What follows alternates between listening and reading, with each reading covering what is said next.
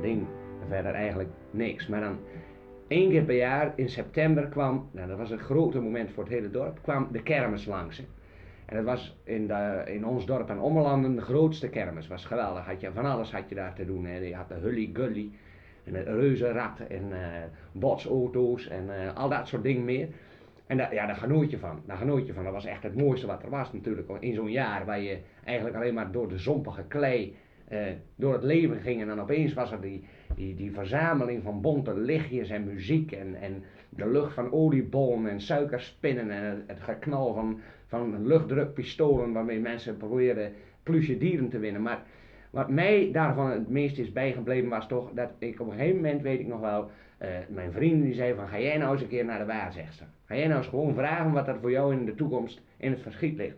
En ik ben toen naar die vrouw gegaan en het was een ongelooflijk indrukwekkende vrouw. Het was een enorme grote vrouw met donkere ravenzwarte ogen. En van dat golvende haar en daar een theedoek als het ware omheen geslagen. En daar ben ik bij gaan zitten en die heeft mij toen verteld wat er in mijn leven ging gebeuren. En dat nam ik natuurlijk met een korreltje zout, zoals altijd. Dat doen wij nuchtere boeren, we nemen dat met een korreltje zout. Maar toch, ik kon eigenlijk mijn blik niet van die, van die donkere, diepe ogen los scheuren. Dus ik ben eh, daar eh, één keer geweest, ik ben naar buiten gekomen en mijn vrienden zagen mij dat er iets met me gebeurd was. Dus die vroegen, wat heeft ze je in godsnaam voorspeld? En op dat moment realiseerde ik me eigenlijk dat ik niet had gehoord wat ze me had voorspeld. Omdat ik zo gebiologeerd was, eigenlijk door die ogen. Dus ik ben eigenlijk meteen eh, teruggegaan. Ik heb meteen weer, uh, hupsakee, die Rijksdaal neergeteld en ben weer bij haar gaan zitten. Toen heeft ze me het een en ander verteld. Ik zou dan zes kinderen krijgen en met eh, drie vrouwen getrouwd zijn in de loop van mijn hele leven. En ik zou een bloeiend agrarisch bedrijf krijgen. Dus dat had ik in me opgeslagen. Maar toch, ik bleef eigenlijk, eigenlijk helemaal, eh, als het ware, eh, hoe zeg je dat, aaneengesloten op die ogen. En ik voel ook wel dat, dat zij op een bepaalde manier geïntrigeerd was, zeggen ze dan wel eens, hè? Zeggen ze toch zo? Door, door, door mij ook. Dus ik zat daar en ik, ik ging naar buiten en de volgende dag, de volgende dag, want ik, ik ben toen eh, een beetje vertwijfeld naar huis gegaan. Ik, ik, ik voelde gewoon dat er iets, iets wezenlijks in mijn leven gebeurd was. De volgende dag, om 1 uur s middags, ging de kermis dan weer open. Ik ben er meteen weer naartoe gegaan. Ik heb gezegd, uh, hupsakee, hier heb je de Rijksdaal. En ik ben weer bij haar gaan zitten. En toen, toen bleek ze een totaal ander verhaal te vertellen. Ik, ik kreeg helemaal geen bloeiend bedrijf. Nee, ik zou juist aan, tot de bedelstaf vervallen. Kinderen hol maar, vrouwen nooit van mijn leven. En dat was nu- natuurlijk heel vreemd, omdat ze me de vorige dag nog een, eh, een geweldig leven had voorspeld. Maar toch, ik, ik, moest, ik moest naar haar kijken. Ik moest naar haar kijken en ik voelde gewoon, er zat een tafeltje tussen. Ik voelde dat ik haar aan moest raken op een bepaalde manier. Maar goed, je bent natuurlijk verleden, ik was 18 jaar. Dus ja, dat deed je dan niet. Dus ik naar buiten, maar toch gelijk weer die Rijksdaalder neergelegd, weer naar binnen. Nou, toen bleek er weer iets heel anders te gebeuren. Ik zou maar eh, 23 worden en aan een vreselijke ziekte overlijden. Eh, volgende uur ging ik weer naar binnen. Toen- nou, iedere keer was het verhaal anders. Dus ik begon wel te twijfelen aan haar, laten we zeggen, waarzeggende capaciteiten. En ik was ook enigszins verbaasd over het feit dat ze me niet herkende, terwijl ik eigenlijk de enige was die in en uit liep. Dus dat was natuurlijk toch wel curieus. Maar op een gegeven moment, ik kon het niet laten en toen heb ik haar hand gepakt en ik heb gezegd, Fatima, want zo heette ze, Fatima, je bent volgens mij een ongelooflijk bijzondere vrouw. En Fatima die keek mij aan en er brak een lach door. Ik zag gewoon dat er een lach doorbrak. En ik zei, Fatima, wat je me vertelt, hou maar op, ik hoef het niet meer te weten, maar mag ik je één keer vasthouden? Nou, dat kostte dan een rijksdaalder extra, maar dat heb ik betaald en toen heb ik er vastgehouden. En dat ik weet nog heel goed, was donderdagavond, 11 uur. Ik was al de hele dag in en uit aan het lopen in die tent. Ik had er iets van 400 gulden rijksdaalders besteed aan, aan Fatima. En ik omhelste haar en ik kan mij niet beheersen. Ik ruk zo in één ruk die jurk eigenlijk open. En wat ik dan zie, ja, dat is eigenlijk, dat heeft de hele loop van mijn leven bepaald. Een zware, getatoeëerde, harige mannenborst. Fatima was gewoon een hoogpratende kerel. Een enorme, getatoeëerde, behaarde kerel. Ja, en toen is er in mij iets geknapt. Toen is mijn vertrouwen, zal ik maar zeggen, in de mensen en ook in het agrarisch bedrijf is geknapt. En toen heb ik eigenlijk eh, meteen het kleine tafeltje wat eigenlijk in, eh, bij al die gesprekken tussen ons in stond opgepakt. En ik ben als een dol op Fatima in gaan slaan. En ik heb gezegd, ja Fatima, Je hebt me nu vier dagen, zeven, 700 keer gehad voor een Rijksdaalder om de toekomst te weten en je bent gewoon een vuile, vieze kerel met tatoeages. En zo ben ik door blijven slaan. Eigenlijk tot, tot er van Fatima eigenlijk niet veel meer over was dan een, een, ja, een, berg naamloos gehakt. En toen, toen ben ik naar buiten gegaan, druipend van het bloed. En het heeft natuurlijk wel zijn stempel gezet op dat jaar kermis bij ons in het dorp. Maar eigenlijk mijn vertrouwen in de mensheid is nooit meer teruggekeerd. En dat, dat is, ja, ik zeg het, de kermis en Fatima, het heeft mijn leven bepaald. Mag u gerust weten.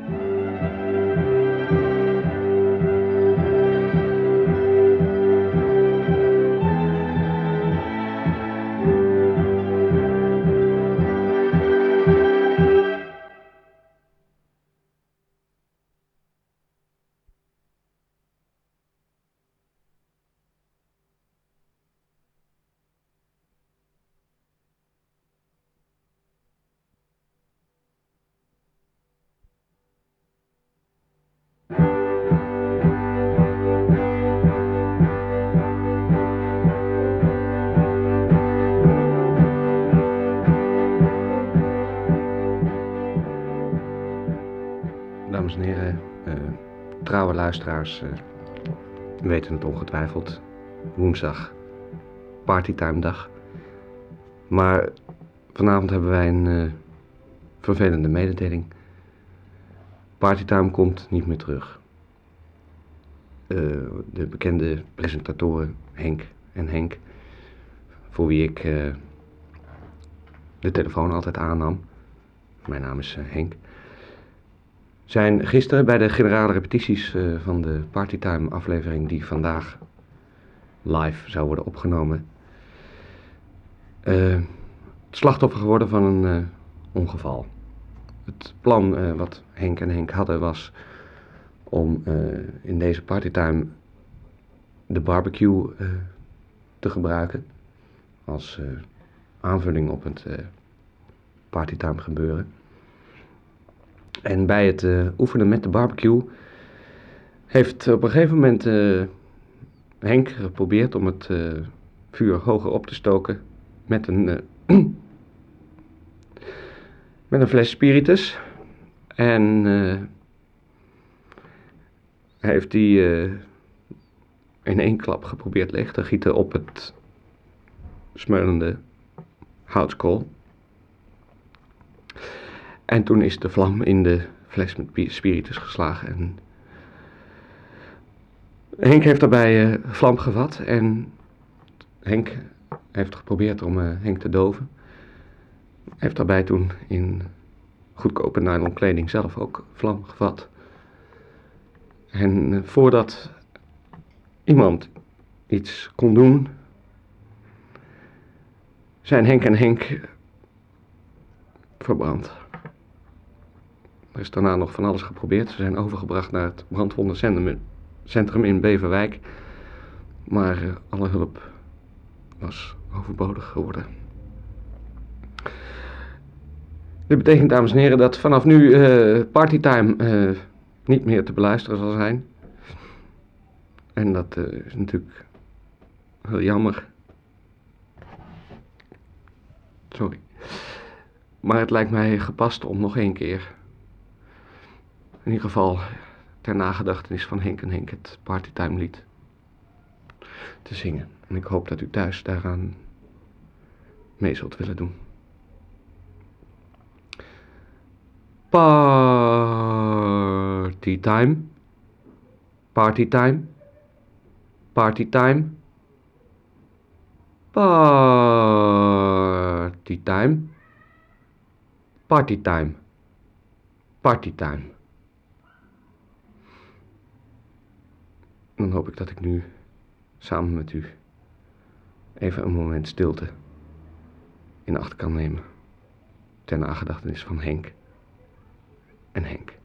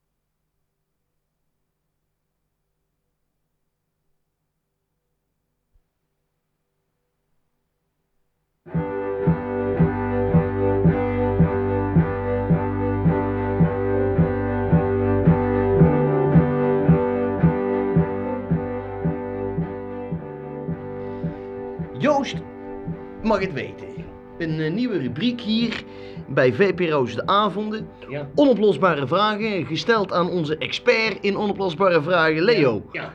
Leo, jij bent gespecialiseerd in onoplosbare vragen. Ja, als het ook maar enigszins, eh, zeg maar zeggen, bijna onoplosbare vraag is, dan, eh hupsakee, daar ga ik voor. Dan is het iets voor jou, Dan hè? is het iets voor mij. Nou, ik heb hier je eerste brief al gelijk uit Purmerend. Vraagt mevrouw de Graaf, heeft de volgende vraag. Ja. Hoe komt het nou toch dat de kangoeroe Ja. Alleen maar voorkomt in Australië? Ja. Nou, eh, eh, mevrouw, eh, daar zal ik dan het volgende op zeggen. Joost mag het weten. Joost mag Joost het weten. mag het weten. Er is eigenlijk, eh, niemand weet het. Eh, voor hetzelfde geld hadden ze hier gewoon door de weilanden gehuppeld. Maar eh, eh, de, de geschiedenis heeft nou eenmaal geleerd dat ze eigenlijk alleen eh, in Australië voorkomen. En dan eh, hier en daar in, in, in, in dierentuinen natuurlijk. Ja, Maar waarom dat is, Joost mag het weten. Joost mag het weten. Nou, dan gaan we gelijk door met de tweede vraag. Mhm. Dat is meneer Winters Ja? uit Beverwijk. Oh, leuk, ja. Die heeft de volgende vraag. Hoe komt het nou toch? En dat is nog we- wederom een vraag een beetje in de natuursfeer. Oh, ja, dat is leuk, ja. dat Hoe komt het nou toch dat sommige koeien bruin zijn en andere weer zwart? Zwart. Ja, en dan zijn er ook nog de, de bontgevlekte hier en daar. Ja. Hè? Nou, een meneer uit Beverwijk, eh, daar heb ik het volgende antwoord voor u op. En eh, we, hebben, we hebben echt even moeten zoeken. Joost mag het weten. We hebben geen idee. Het schijnt vaarlijk iets te maken te hebben met erfelijke factoren. Maar hoe en waarom en wanneer precies en wat en bruin en zwart en zwart en wit. Joost mag het weten. Geen idee. Nou, dan maar gelijk weer de laatste vraag. Is Tuurlijk. van de meneer eh, Uitersmans. Oh, uit. Ui- Uitersmans, ja. Ja. Uitersmans. Meneer Uitersmans Mhm. uit Haarlem. Ja. Die vraagt het volgende. Ja. Hoe lang kan je iemand martelen zonder dat hij flauw valt? Ja, nou, eh, meneer eh Uitermans was het, hè? Ja. Uit Haarlem. Joost mag het weten. Joost mag het weten. Het schijnt in dit geval heel erg afhankelijk te zijn van de persoon zelf. Je hebt personen, als je daar één nagel uittrekt, hopsakee, plat gaat de handel. En je hebt mensen, daar kun je stroom op zetten tot je doodvalt. Niks aan de hand, die blijven je met wakkere ogen aankijken. Dus, om nou te zeggen, is er één recept voor hoe lang een mens gemarteld kan worden voordat hij flauw valt? Nee. En daar moet dus het antwoord helaas weer op zijn. Joost mag het weten. Proefondervindelijk zullen we dit uit moeten vinden per persoon. Nou, dat was het dan weer, dames en heren. Volgende week zijn we natuurlijk terug met eh, wederom. eh, Joost mag het weten. en ik hoop dat u dan weer luistert. En dat hoop ik ook. Alle vragen gewoon opsturen.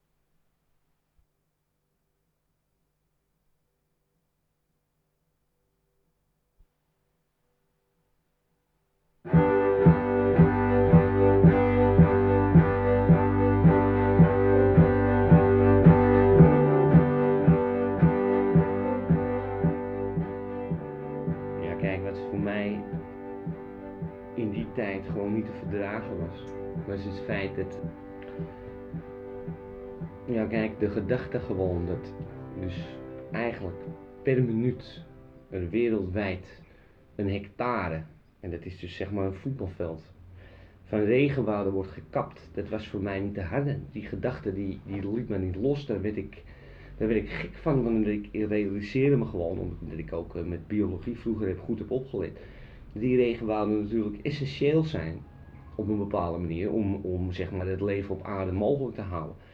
Dus toen ben ik van eh, mijn spaarcenten ben ik op een gegeven moment naar eh, Brazilië gegaan. En ben daar het Amazonegebied ingetrokken. En dan heb ik uitgezocht waar die, eh, die kappers, als waar die houthakkers eh, bedrijven, waar die nu los zouden gaan op dat moment.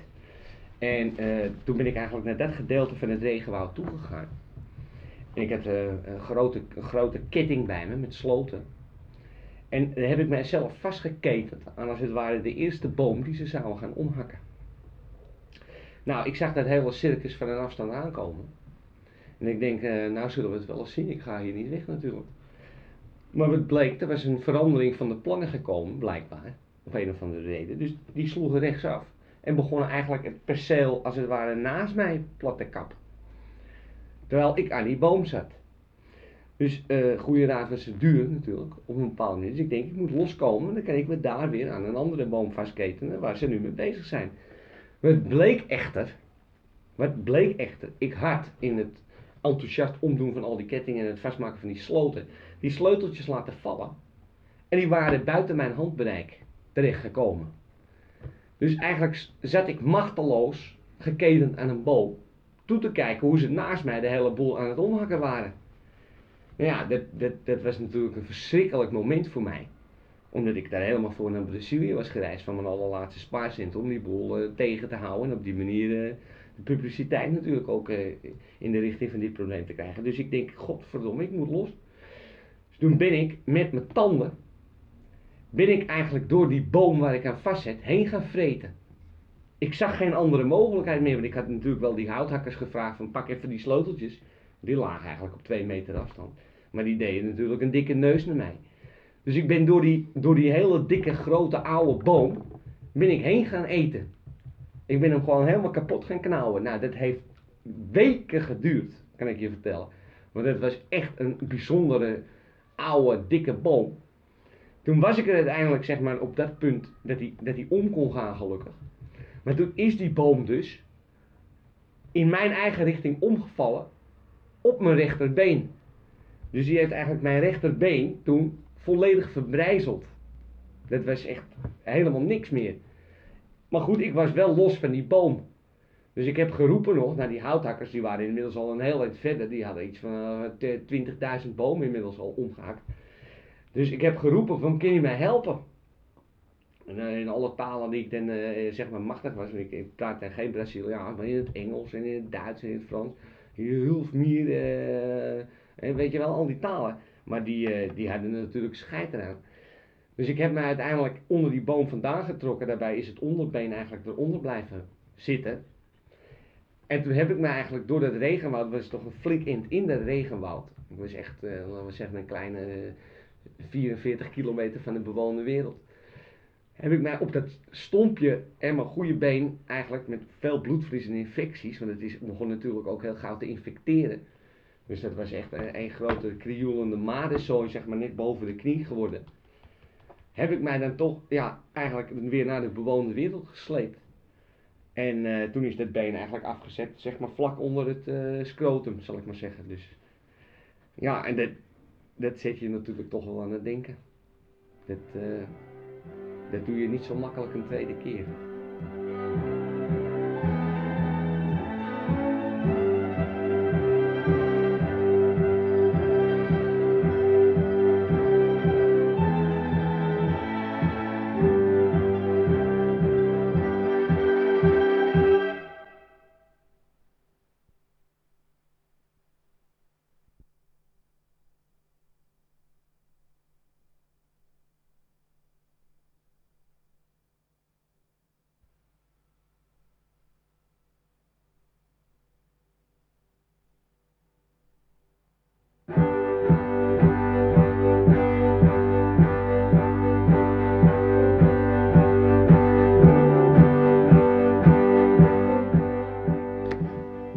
Meneer er is vanuit het eh Oud-Strijders-legioen nogal geschokt gereageerd op uw boek Alleen op de Grebbeberg. Eh, er wordt namelijk beweerd dat men u nooit heeft eh, gezien op die Grebbeberg. Godverdomme, moet ik dat nou weer helemaal... Kijk, luister. Ik heb daar, god beter, gevochten voor volk en vaderland. Ik heb daar vier, wat zeg ik, vijf en een halve dag in mijn eentje een Duitse divisie tegengehouden, hè. Want die anderen waren allemaal te scheiterig om me te helpen. Oh, dus dus eh, al die oud-strijders die, die zuigen dat eh, uit hun duim? Ja, ja, kijk, dat is allemaal jaloezie en schaamte over hun eigen gedrag. Terwijl ik bij de poort stond en riep, kom op jongens, we gaan de mof tegenhouden. Zaten zij allemaal pissend van angst in de kazerne en deden de deur op slot. Ja, toen ben ik alleen gegaan, ja. Er moet toch iemand ons land verdedigen, dacht ik toen. Nou goed, toen, toen stond u daar eh, in uw eentje op die Grebbeberg met Ja. vijf patronen. Heeft u toen, zegt u, door zeer strategisch te mikken een hele Duitse divisie drie dagen tegen weten te houden. En dat, dat moeten wij allemaal geloven. 373 Duitsers heb ik toen afgeknald, ja. 373 Ja, Duitsers dat heeft u... klinkt misschien een beetje ongeloofwaardig, maar dat is hoe het gaat op zo'n moment. Hè? Kijk, en om dat nu na afloop naar mij toe te komen en een Ja, maar als ik u even mag onderbreken. Men noemt u dus een bedrieger, meneer Beentjes. Ja, ja Realiseert u zich dat? kijk, eh, meer van die zogenaamde verzetshelden, die staan natuurlijk toch bekend om de waarheid een beetje naar hun Nou, hand eh, sorry, hier, hier moet ik u even onderbreken. Want eh, u gaat nog een stapje verder in uw boek. U beweert dat uw vrouw Anne Frank is. Ja, dat klopt, ja.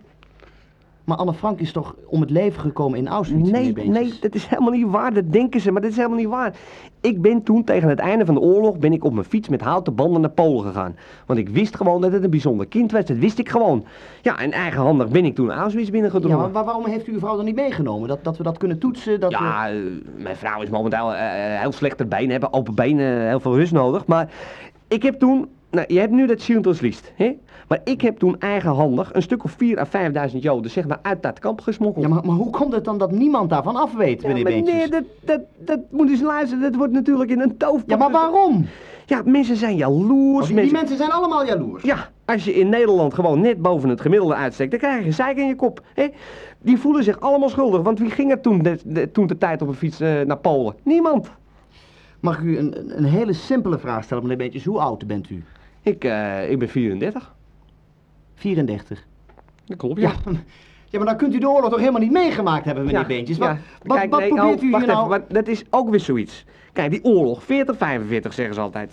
Maar dat is natuurlijk niet waar. Dat is propaganda. Dat is nog maar pas geleden. Maar iedereen verdrinkt Maar dat. waarom verdringen die mensen dat dan? Ja, dat is psychologisch, meneer. Moet u nou eens even luisteren. Kijk, als er iets ergs gebeurt in je leven, dan druk je dat weg. En dat is dus collectief gebeurd. Mensen hebben collectief die oorlog, als het ware, verder naar achteren hoe lang is het dan geleden volgens u? Ja, dat is eh 15 jaar geleden.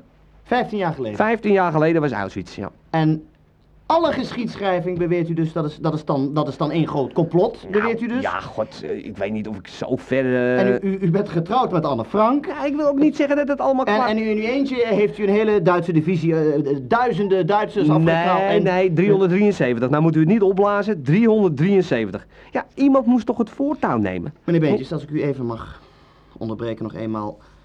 Kunt u zich voorstellen, meneer Beentjes, dat dit bijzonder kwetsend is voor mensen die daadwerkelijk op die Grebbeberg gestaan hebben, die daadwerkelijk hebben Ja, maar gevochten er waren geen mensen daadwerkelijk op de Grebbeberg. Ik was alleen op de Grebbeberg. Dus hoe kan dat dan kwetsend zijn? Dat snap ik niet. Ik krijg nog regelmatig post van al die Joden mensen die ik uit Auschwitz heb gehaald. Kunt u, kunt u mij één brief laten zien, Nee, kijk, dat, luister, dat zeul ik natuurlijk niet allemaal mee naar de studio. Kijk, ik ben ook helemaal niet iemand die er pret op gaat. Je hoort er mij, hoort er mij verder ook niet over. meneer- meneer- meneer, hoe lang denkt u dit nog vol te Ach, houden? god, het is helemaal geen kwestie van volhouden. Ik weet wat ik gedaan heb.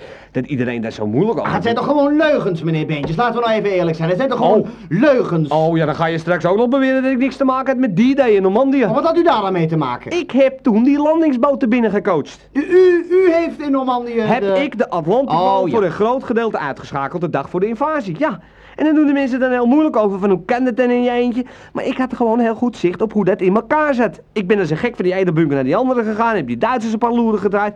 En toen pas heb ik Churchill gebeld en gezegd... u heeft kom op met die Churchill handel. gebeld. Ja, ja. Winston, ja.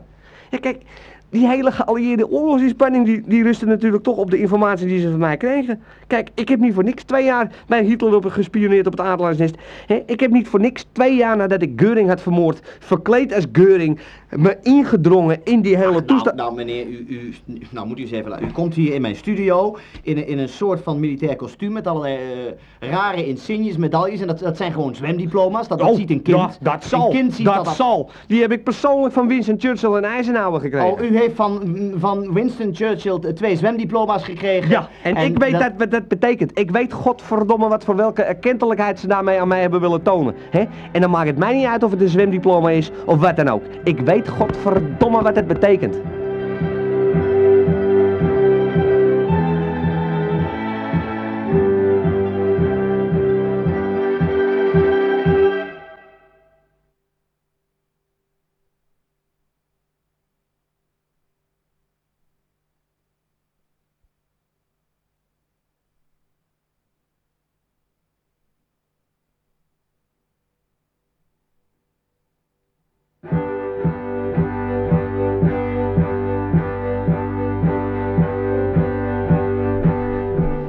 Als Duitser in Nederland, eh, waar ik toch alweer een tijdje woon, is dit natuurlijk een hele ja, bijzondere tijd. Eh, kijk, we weten gewoon dat in Nederland nu, en niet alleen in Nederland, maar in eh, Frankrijk, in Engeland, maar ook de Amerikanen en de Russen, En zo, die, die vieren eigenlijk momenteel natuurlijk de 50-jarige uh, verjaardag van de bevrijding van het Duitse juk.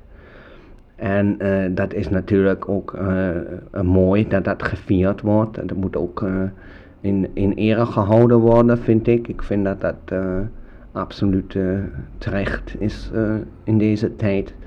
Waarin we om ons heen dingen zien gebeuren. Maar als in, Nederland wonende Duitser, uh, ja, voel je je natuurlijk juist in zo'n periode eigenlijk helemaal niet geaccepteerd. Hè? Dat is, je voelt gewoon dat eigenlijk in de lucht hangt. Dat ook mij ook dingen worden kwalijk genomen alsnog zoveel jaar na dato.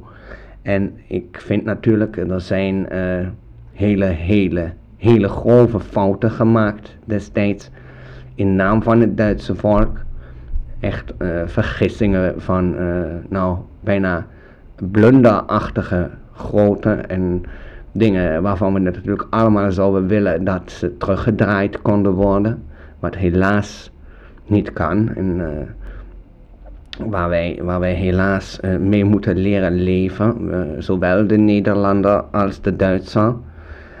Maar aan de andere kant denk ik ook, het is natuurlijk wel lang geleden.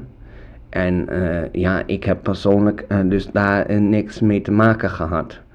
En ik vind in zekere zin, wij Duitsers hebben toch daarna geprobeerd in ieder geval om het, het Europa 1 met alle macht te steunen. En de eerste keer hebben wij dat, dat geef ik ronduit toe. De manier van ons om Europa één te maken was niet de juiste manier. Daar zijn nogmaals, ik geef het uiterlijk toe, gruwelijke vergissingen gemaakt. Vergissingen waarvan we achteraf zeggen, ja, hoe hebben we ze kunnen begaan? Maar de grondidee om Europa één te maken, die is natuurlijk na de oorlog wel ook door anderen overgenomen. En daar hebben wij ook ons als Duitsers uh, ten volle voor ingezet op een, uh, een, een, een absoluut betere manier dan in de periode daarvoor. Dat, dat geef ik nogmaals heel eerlijk toe. Dat, uh, dat, dat is niet goed te praten hoe we toen eigenlijk probeerden zonder gewoon rond de tafel te zitten en daar openhartig over te praten met de andere partijen die daar aan deelnamen, dat wij eigenlijk dat Europa 1 idee toen wat te radicaal hebben geprobeerd op te dringen aan de andere landen om ons heen. Maar ik denk toch dat gebleken is dat de fundamenten van die gedachten later ook door anderen zijn herkend en dat daar dus bijvoorbeeld de geweldige ontwikkeling van Europa mede aan te danken is. En ik hoop dus ook dat wat dat betreft rond deze herdenkingen dat niet vergeten wordt. Dat wij als Duitsers dus uh, met onze geweldige economie en cultuur ook na de oorlog toch ons beste beentje hebben voorgezet om als het ware deze gedachten uit te dragen. En nogmaals, ik zeg het, daarvoor, de manier waarop is ronduit fout geweest. Dat zeg ik met de hand op mijn hart.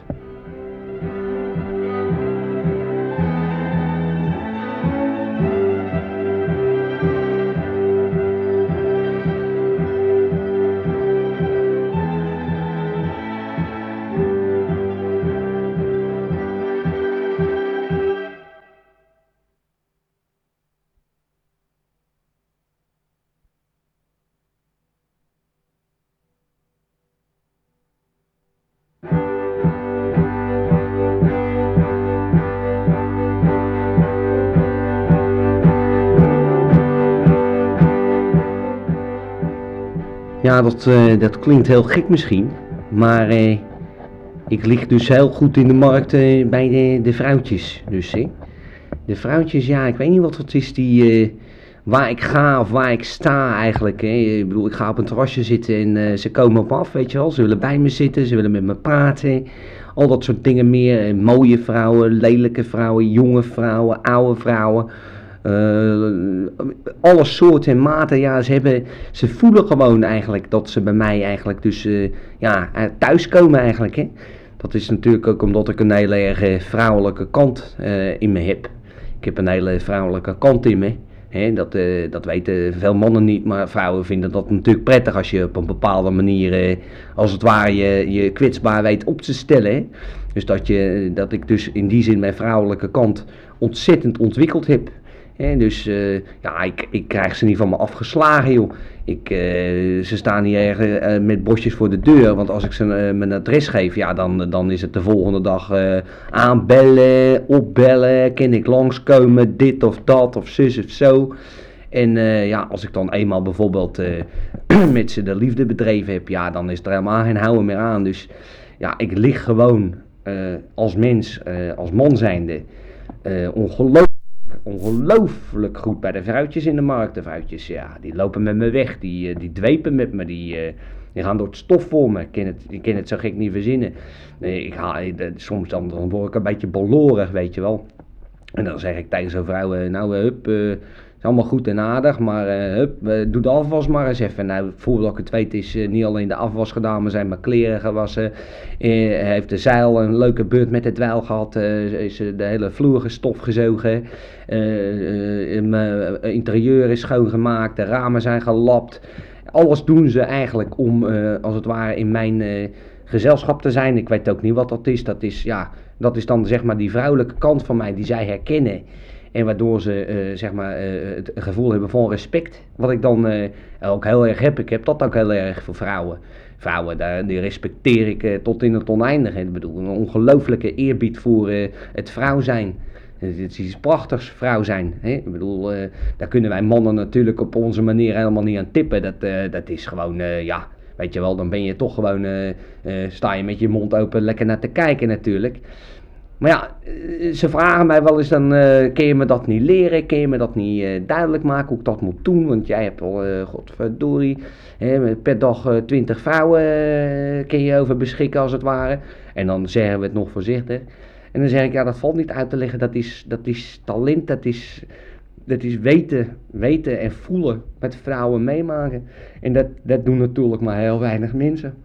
Dat is, ja, dat is ja, in zekere zin wat ik dan om me heen zie, is dat uniek. En uh, weet je wel, dus dat is uh, heel raar. Maar uh, het is niet anders. En ik ben er blij mee, ben er blij mee, zeg het eerlijk, ben er blij mee.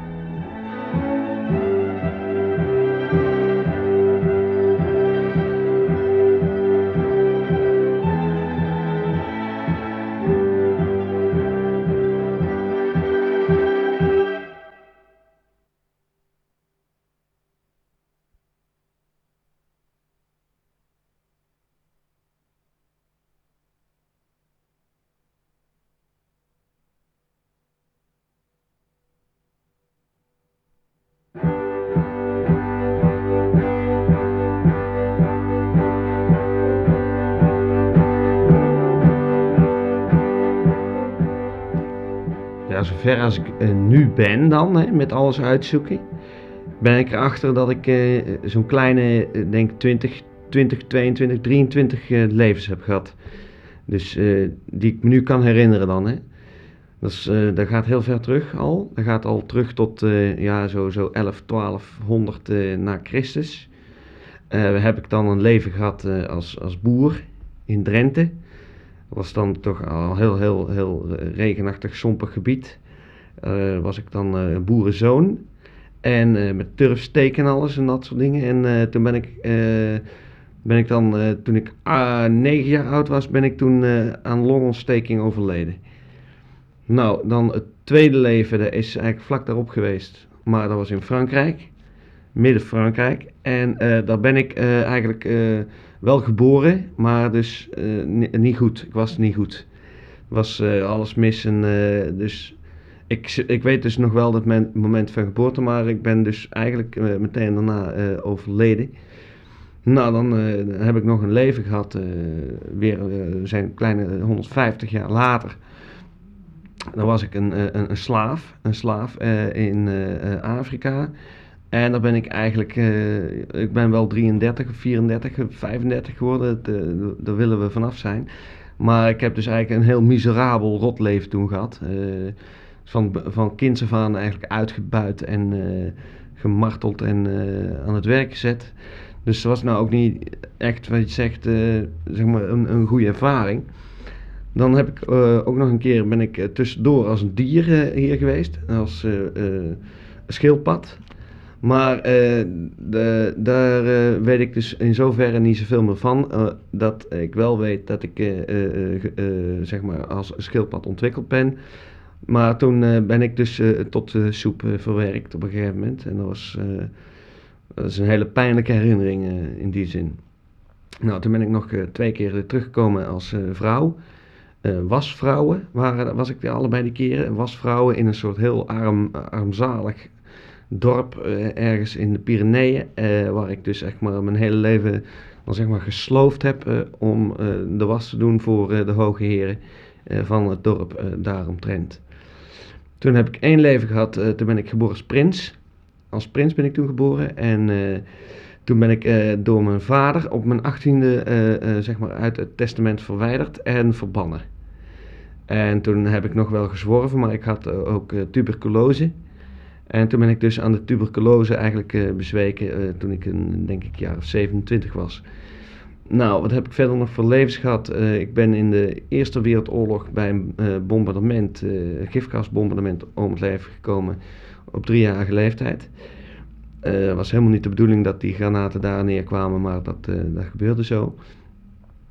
Toen ben ik eigenlijk meteen daarna ben ik geboren en toen werd ik ingelijfd bij de Hitlerjugend op het eind van de Tweede Wereldoorlog, wat ik niet wilde, maar eh, toen ben ik omgekomen bij de slag eh, van Berlijn op 14-jarige leeftijd.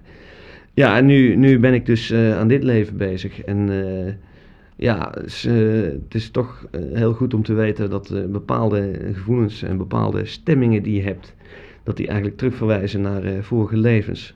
En dat je daardoor ook, als je dat leert kennen en leert ontdekken en zeg maar de, de communicatielijnen naar die vorige levens weet te vinden, dat het je ongelooflijk kan steunen in eh, de moeilijke momenten die je ook in dit leven natuurlijk eh, hebt. Dat je weet waar het vandaan komt, dat je weet eh, dat je niet met een lege rugzak bent begonnen. Dus vandaar dat voor mij dan zeg maar die, die speurtocht naar de vorige levens ontzettend gunstig is geweest. Vermoed ik toch wel.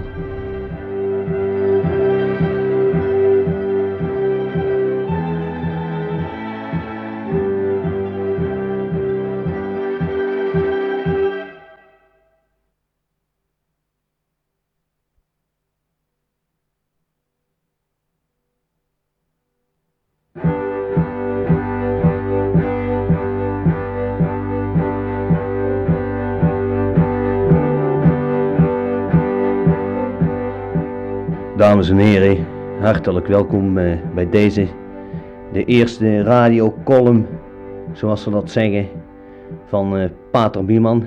Voorlopig althans de eerste. En eh, ik zal u waarschijnlijk de komende tijd, als deze omroep dat dulden kan, u onderhouden over de huidige staat van beschaving van onze mens en alles wat daarbij komt kijken. We weten natuurlijk allemaal dat in deze tijd eh, het zederverval eh, gigantische proporties eh, aanneemt. Het normbesef, het normbesef neemt het mij niet kwalijk, stort eigenlijk als een kletsnat kaartenhuis in elkaar voor onze ogen. We hebben geen idee meer van goed en kwaad. We lopen stuurloos door het leven rond, terwijl om ons heen de boel explodeert, implodeert en wat niet al. Kortom, het is een enorme puinhoop. En het is voor de hedendaagse moderne mens daarin natuurlijk extra moeilijk om zijn houding ten opzichte van goed en kwaad, mooi en lelijk en dergelijke te bepalen. We zien maar al te veel om ons heen dat eh, mensen van op zich eh, goede komaf, met een eh, keurige opvoeding en een fijne educatie, hun ziel aan de duivel verkopen in ruil voor een beetje populariteit of een beetje geldelijk gewin en meer van dat soort smerige praktijken. De hele politiek is vergeven van dit soort hypocriete miskleunen. En ook in de kranten lezen wij niet anders. De tv, daar hoef ik het al helemaal niet over te hebben. En het enige zuivere medium wat over is in die zin is natuurlijk de radio. Want u hoeft mijn eigen kop niet te zien en hoort alleen de boodschap. Dames en heren, ik wou het eens hebben over de onmacht die wij mensen zo vaak op straat en eh, in het openbaar voelen bij situaties waarvan we eigenlijk zeggen, kon ik hier maar iets aan doen. Daarom, dames en heren, heb ik u een eerste eh, wijze les eh, te geven. Dat is namelijk het volgende en dat komt oorspronkelijk eh, uit mijn gedachten over de zogenaamde bokssport. De bokssport is natuurlijk een hele eerlijke sport, eh, een open, eerlijke sport van twee mannen die elkaar in een ring tegemoet treden en het uitvechten om het sterkst. Nou, zo zag ik onlangs een wedstrijd op eh, het eh, populaire kanaal Eurosport, waarbij op een gegeven moment de ene bokser de andere onder de gordel sloeg. De scheidsrechter dook ertussen en de bokser die het gedaan had kreeg een waarschuwing waarna de twee boksers verder moesten vechten.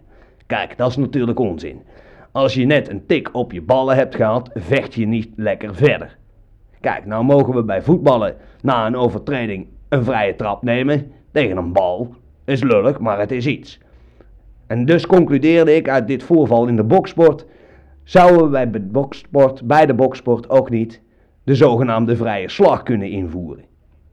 De ene bokser slaat de andere onder de gordel, de scheidsrechter springt ertussen, vrije slag.